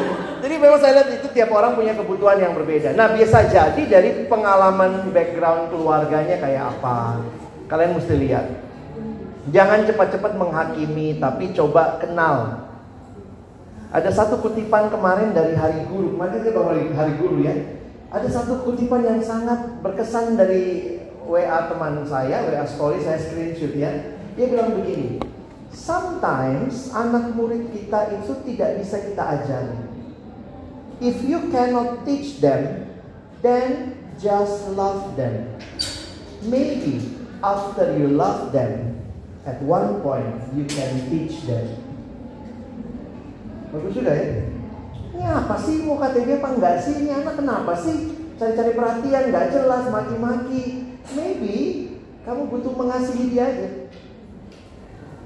Pada waktunya nanti, waktu dia sudah merasa dikasihi, merasa percaya, dia akan mungkin bersedia diajar. Saya punya pengalaman dengan satu adik KTB saya waktu di visit. Saya bingung, dia marah sama saya. saya tapi saya nggak tahu dia marahnya kenapa.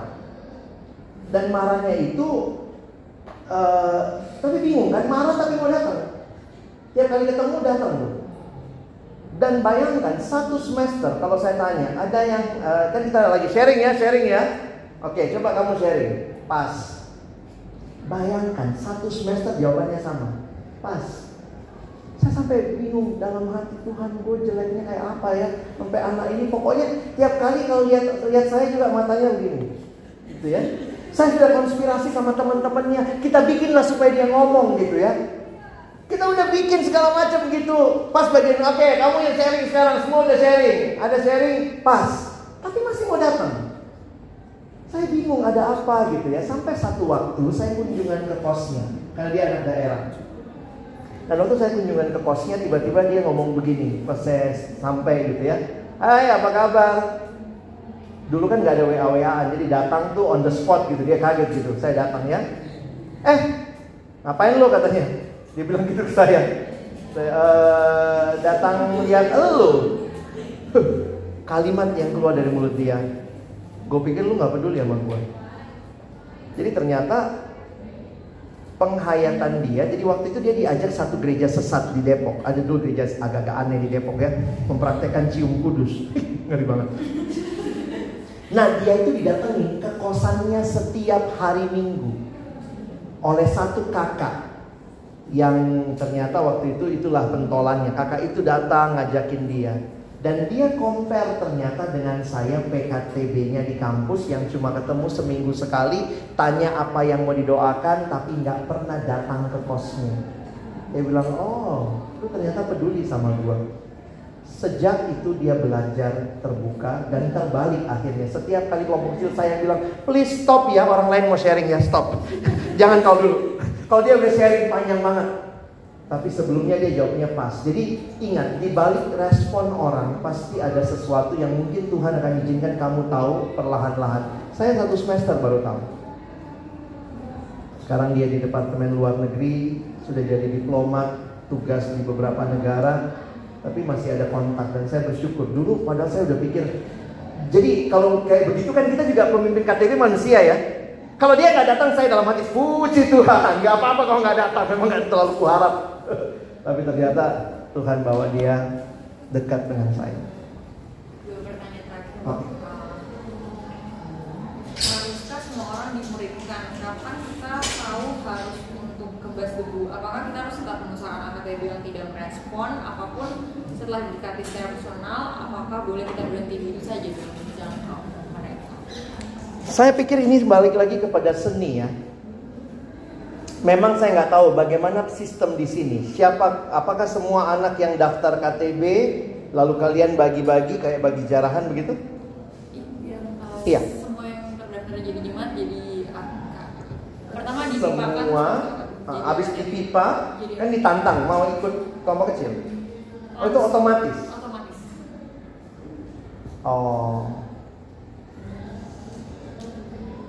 Nah ini masalah sistem. Kalau sistem saya mesti bicara mungkin dengan kalian yang tim inti kali ya atau tim regenerasi.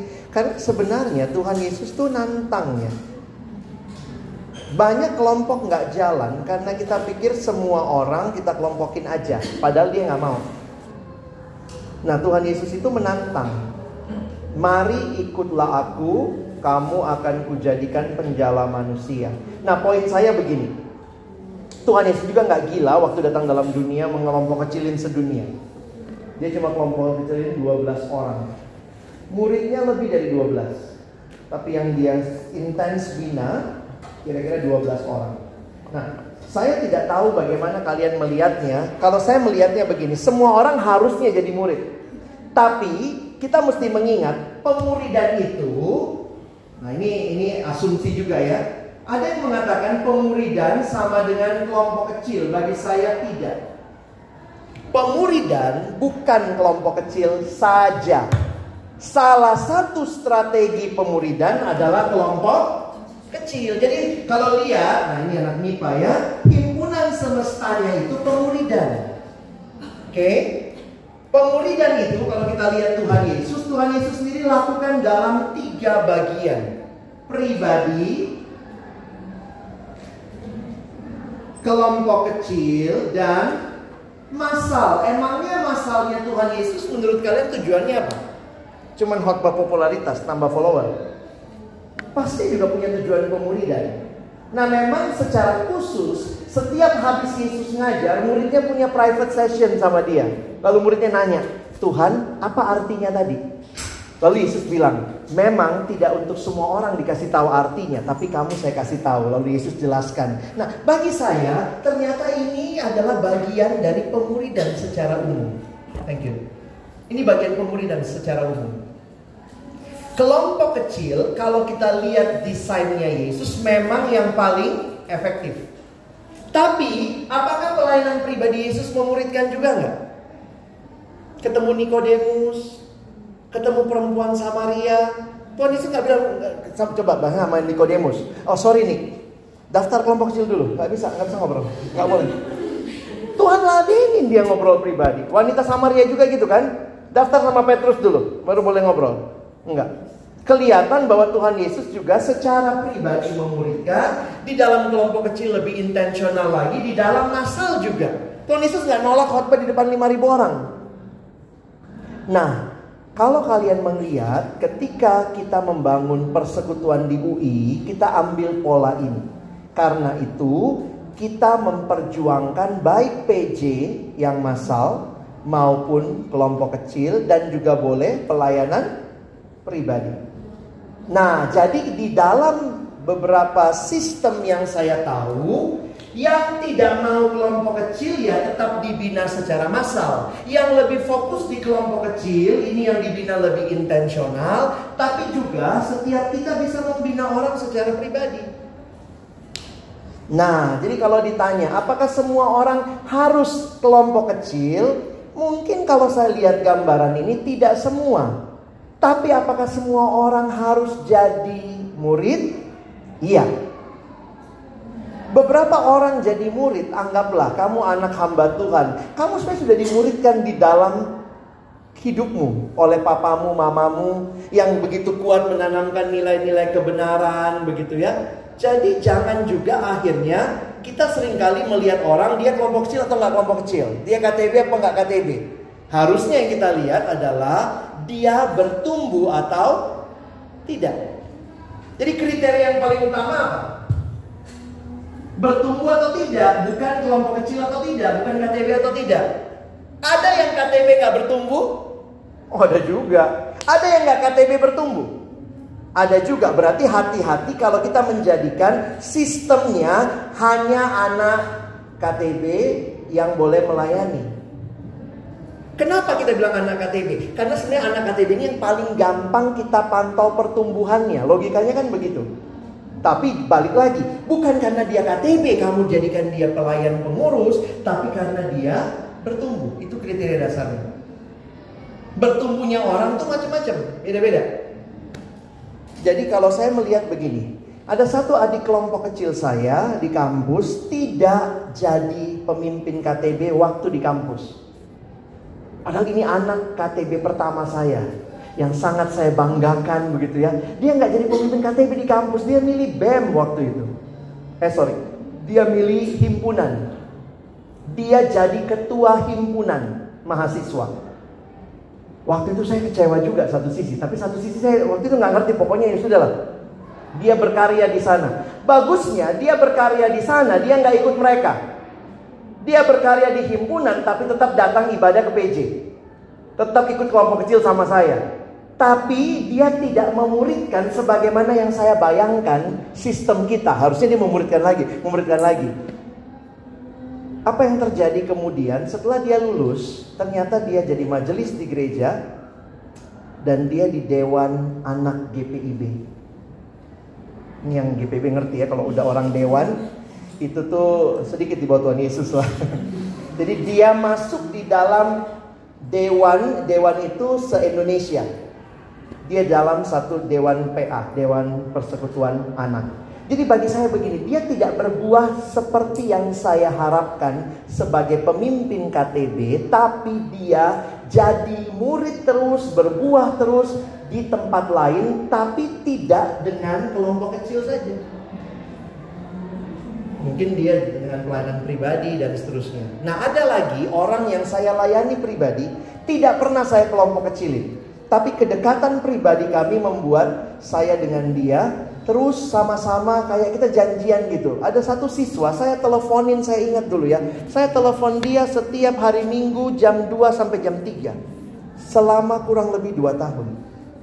Tanpa sadar persahabatan kami terjadi Dia siswa susah banget keluar, saya ajak ketemu di luar. Dia punya PKK di sekolahnya, tapi kelompok kecilnya nggak jalan. Tapi Tuhan kasih beban, Alex doain, deketin dia. Jadi setiap minggu saya telepon dia, apa saat teduhmu yang berkesan minggu ini? Boleh cerita pengalaman dengan Tuhan, apa yang bisa saya doakan? Saya memuridkan dia secara pribadi, dia bukan adik kelompok kecil saya. Nah jadi kalau kalian bisa lihat seperti ini, mungkin saya nanti bisa satu waktu tanya sama kamu, Berapa adik kelompokmu? Berapa adik KTBmu? Terus berapa yang kau muridkan secara pribadi? Kenapa? Karena hidup kita sebenarnya harusnya memuridkan. Mau ada kelompok nggak ada kelompok, harusnya memuridkan. Nah, jadi sistem yang kalian harus pikirin lagi, apakah semua orang harus dikelompokin? Puji Tuhan kalian lagi banyak pemimpin KTB. Beberapa fakultas di UI menurun pemimpin KTB-nya. Lalu semua anak harus dikelompok kecilin? Belum tentu. Yesus pun juga hanya pilih 12 orang. Jadi akhirnya kelompok kecil saya pikir itu memang pembinaan spesifik yang khusus. Dan orang itu harus makanya di beberapa fakultas dia isi form. Saya siap di kelompok kecil Nah, kalau dia di tengah jalan mandek, tunjukin formnya. Bukannya pernah ngisi dulu. Kalau kalian apa yang ditunjukin? Kalian kejar terus. Kalau kalian kejar terus tidak pernah bikin kesepakatan, dia juga bingung. Poin saya adalah kalau kamu menjadikan mereka kelompok kecil, sebaiknya bikin kesepakatan sehingga di tengah jalan kalau dia mundur-mundur, kita bisa balik. Nih kesepakatannya masih begini nggak?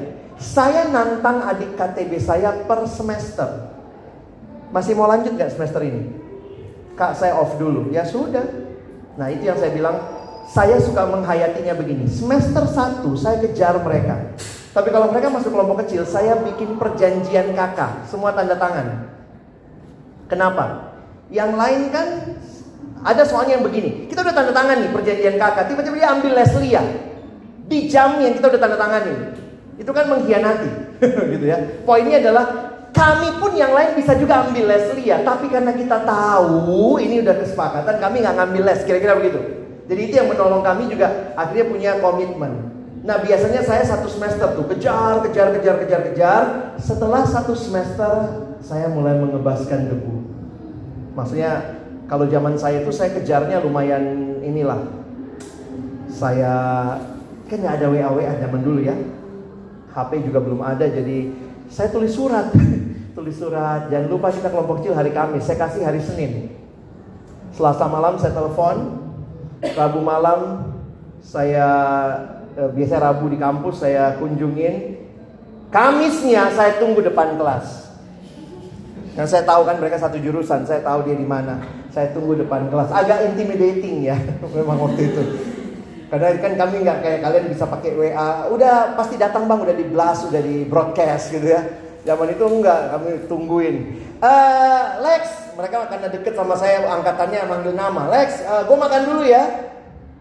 Oh, saya juga lagi mau makan. Ayo, saya ikutin gitu ya. Karena biasanya kalau nggak hilang di kantin, habis dari kantin dia pergi gitu ya. Saya dulu tempelin bener. Pas kuliah saya memang juga kosong jam itu ya. Nah, sesudah enam bulan, maka saya harus punya batasan. Maksudnya gini loh, ini udah dikejar ya. Saya tanya lagi, makanya saya bilang saya tantang setiap awal semester, masih mau ikut nggak semester ini? Ada yang bilang masih mau tapi waktunya nggak bisa. Nah biasanya gitu. Akhirnya satu kelompok saya bagi dua untuk waktu yang sama. Eh, apa waktu yang berbeda.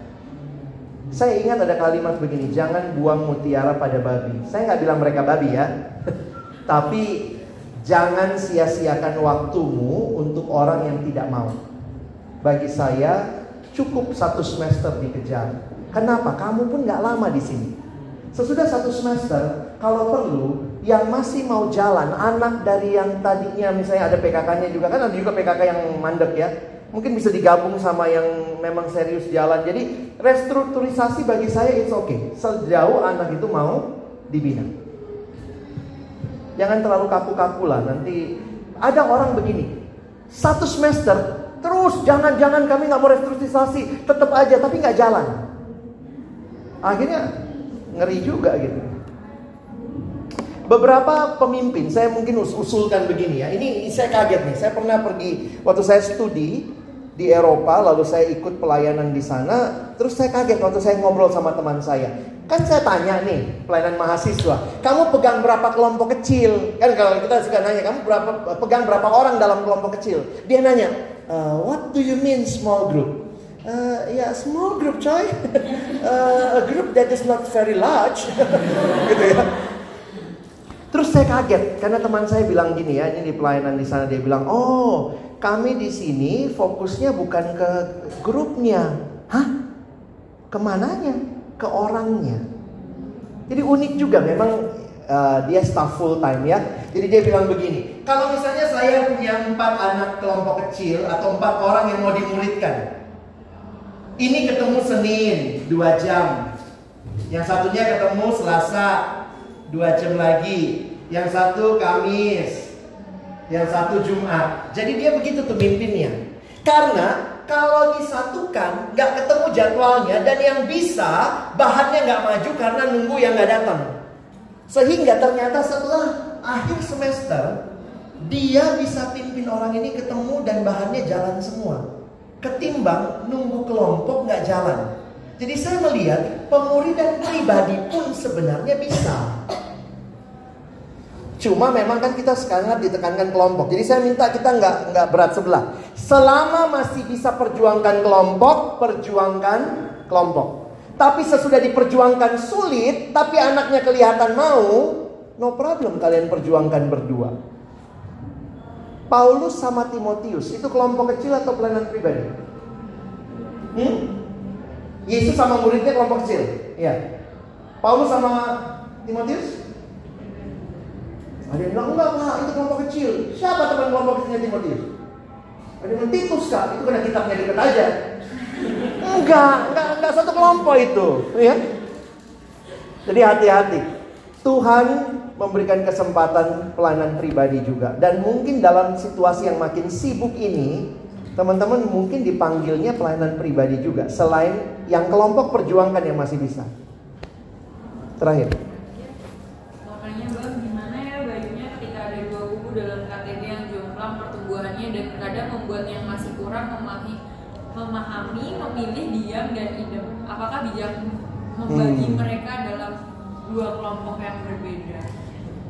Kalau kamu punya waktu itu baik. Karena ini balik lagi ya mem- membuat dua pertemuan kan pasti kalian kan bukan full time-nya pelayanan ya.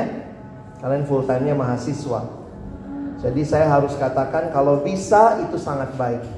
Kalau tidak, maka mungkin ini bisa jadi salah satu hal yang kalian lakukan. Dekatin anak itu secara pribadi sepanjang minggu itu atau ajak makan untuk tanya-tanya pribadi. Kemarin waktu kita ngobrol begini, kamu ngerti nggak misalnya?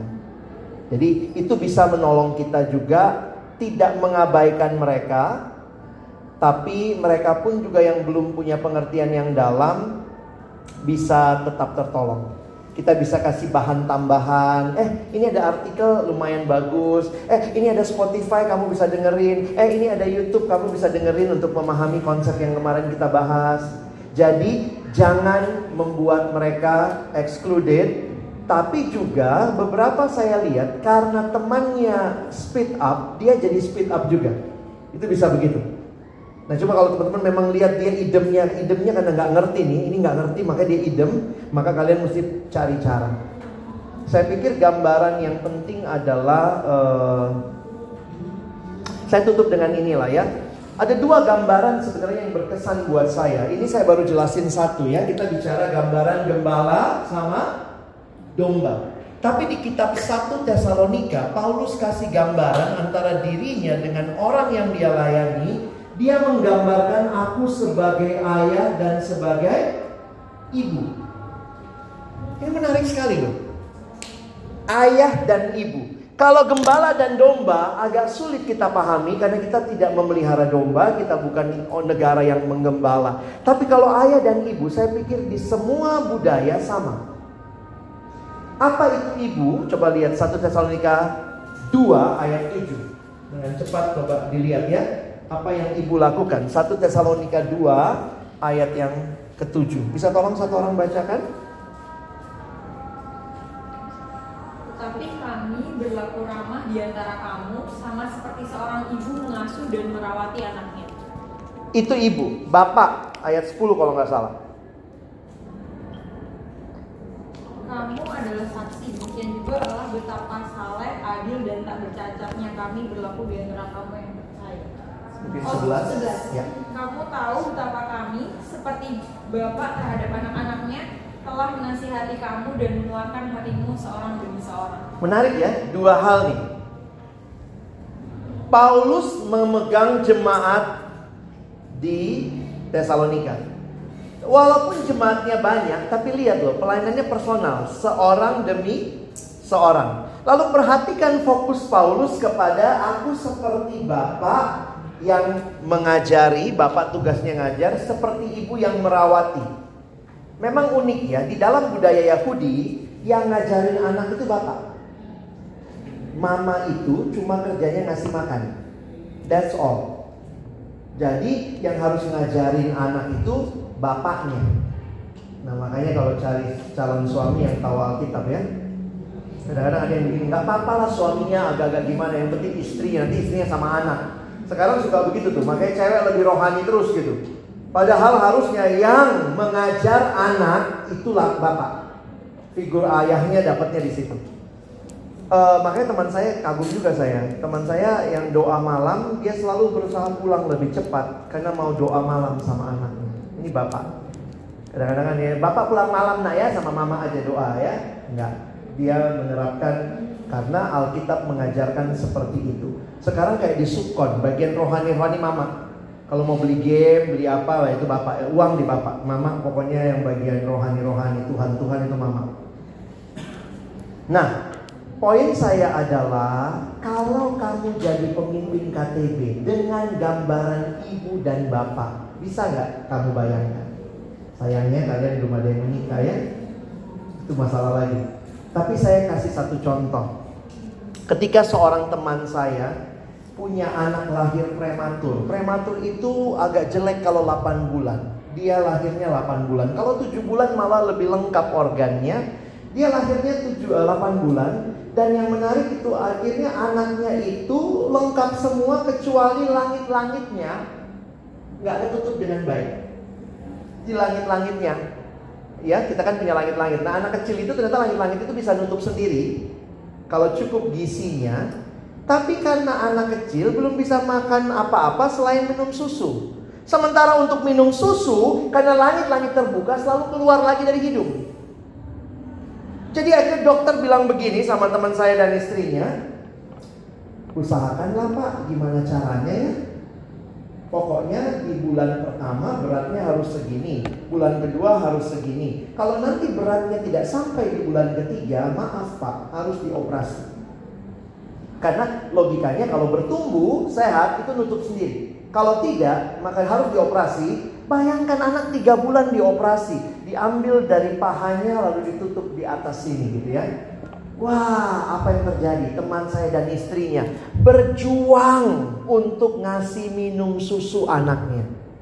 Akhirnya mamanya harus peras susunya, ditaruh di uh, botol, dikasih minum. Saya bilang gimana caranya kasih minum? Anak itu kadang dibalik, kadang mamanya yang membalik diri. Pokoknya segala cara supaya anaknya bertumbuh.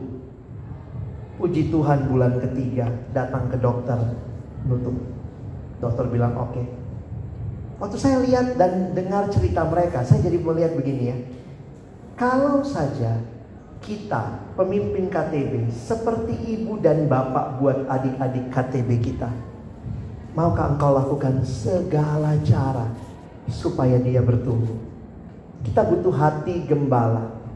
Tapi di sisi lain saya pikir kita juga butuh hati bapak dan ibu. Yang akan berjuang. Seorang teman saya kagum juga. Kau udah masuk bab berapa? Saya ngajarin mereka kalau uh, KTB udah masuk MHB bang. Apa yang dipelajari? Bahas saat teduh. Terus anakmu udah saat teduh? Enggak bang, ada satu susah kali saat teduh. Yang lain temannya semua sudah saat teduh, dia belum saat teduh. Apa yang kau lakukan? Aku tanya sama dia. Di mana kosmu? Di jalan ini kak. Jam berapa kau bangun? Jam 6. Besok abang datang saat teduh sama kita jam 6 ya. Itu seorang ibu ayah yang rela anaknya bertumbuh sehingga mengorbankan diri. Saya pikir kita harus dipenuhi image-image seperti ini yang Alkitab sampaikan. Kita butuh seperti gembala yang rela pasang badan kalau musuh datang. Ketika ada beruang, singa datang, gembala mempertaruhkan nyawanya. Ada PKK yang mau mati buat anak KTB-nya? Nah, boro-boro mau mati ya, dimaki aja kita udah mati, kita yang mati gitu ya. Nah, maksud saya ini ini belum apa-apa, kita mesti masuk lebih dalam dan lihat gambaran kedua. Jadilah ayah dan ibu rohani bagi mereka. Tuhan akan pimpin kalian ke depan. Jangan takut karena kalau Tuhan panggil, Tuhan pasti perlengkapi. Kalau Tuhan panggil, Tuhan kasih kekuatan berserah dan bersandar kepada Dia. Ya, mari kita berdoa. Hamba bersyukur ya Tuhan buat kesempatan kami bersama-sama belajar firman-Mu. Firman-Mu adalah kebenaran yang memerdekakan hati kami. Firman-Mu menolong kami akhirnya boleh hidup seturut dengan kehendak-Mu. Sekali lagi terima kasih kalau Tuhan menolong teman-temanku menjawab panggilan sebagai pemimpin KTB. Tuhan tidak mudah. Tapi di tengah kesulitan yang ada sekalipun kami tidak takut karena ada Tuhan yang berjalan bersama kami, menyertai dan membimbing kami. Biarlah apa yang kami terima sore malam hari ini makin meneguhkan kami untuk berjalan di dalam jalanmu sesuai dengan kehendakmu. Hamba sungguh berdoa biarlah gambaran gembala dan domba menjadi gambaran yang nyata dalam pelayanan kami sebagai pemimpin KTB. Gambaran orang tua, ibu dan bapak juga mewarnai perjalanan kami memimpin. Hamba menyerahkan teman-temanku yang mungkin masih ketakutan, masih sulit untuk bisa beradaptasi, masih merasa sulit melihat anak-anak yang dihadapi. Ingatkan kami, mereka adalah domba-domba yang berharga milik Allah. Kalau Yesus saja rela mati bagi mereka, biarlah kami yang dipercayakan jadi gembala rela juga memberi yang terbaik kepada mereka. Ampuni kami yang masih sering egois, kami yang masih mau hanya jadi gembala yang enak.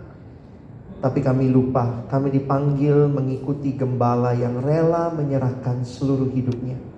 Gembala yang baik, gembala yang menyerahkan nyawanya bagi domba-dombanya. Terima kasih Tuhan, Tolong kami bukan cuma jadi pendengar firman. Jadikan kami pelaku-pelaku firman-Mu dalam nama Yesus kami berdoa. Amin.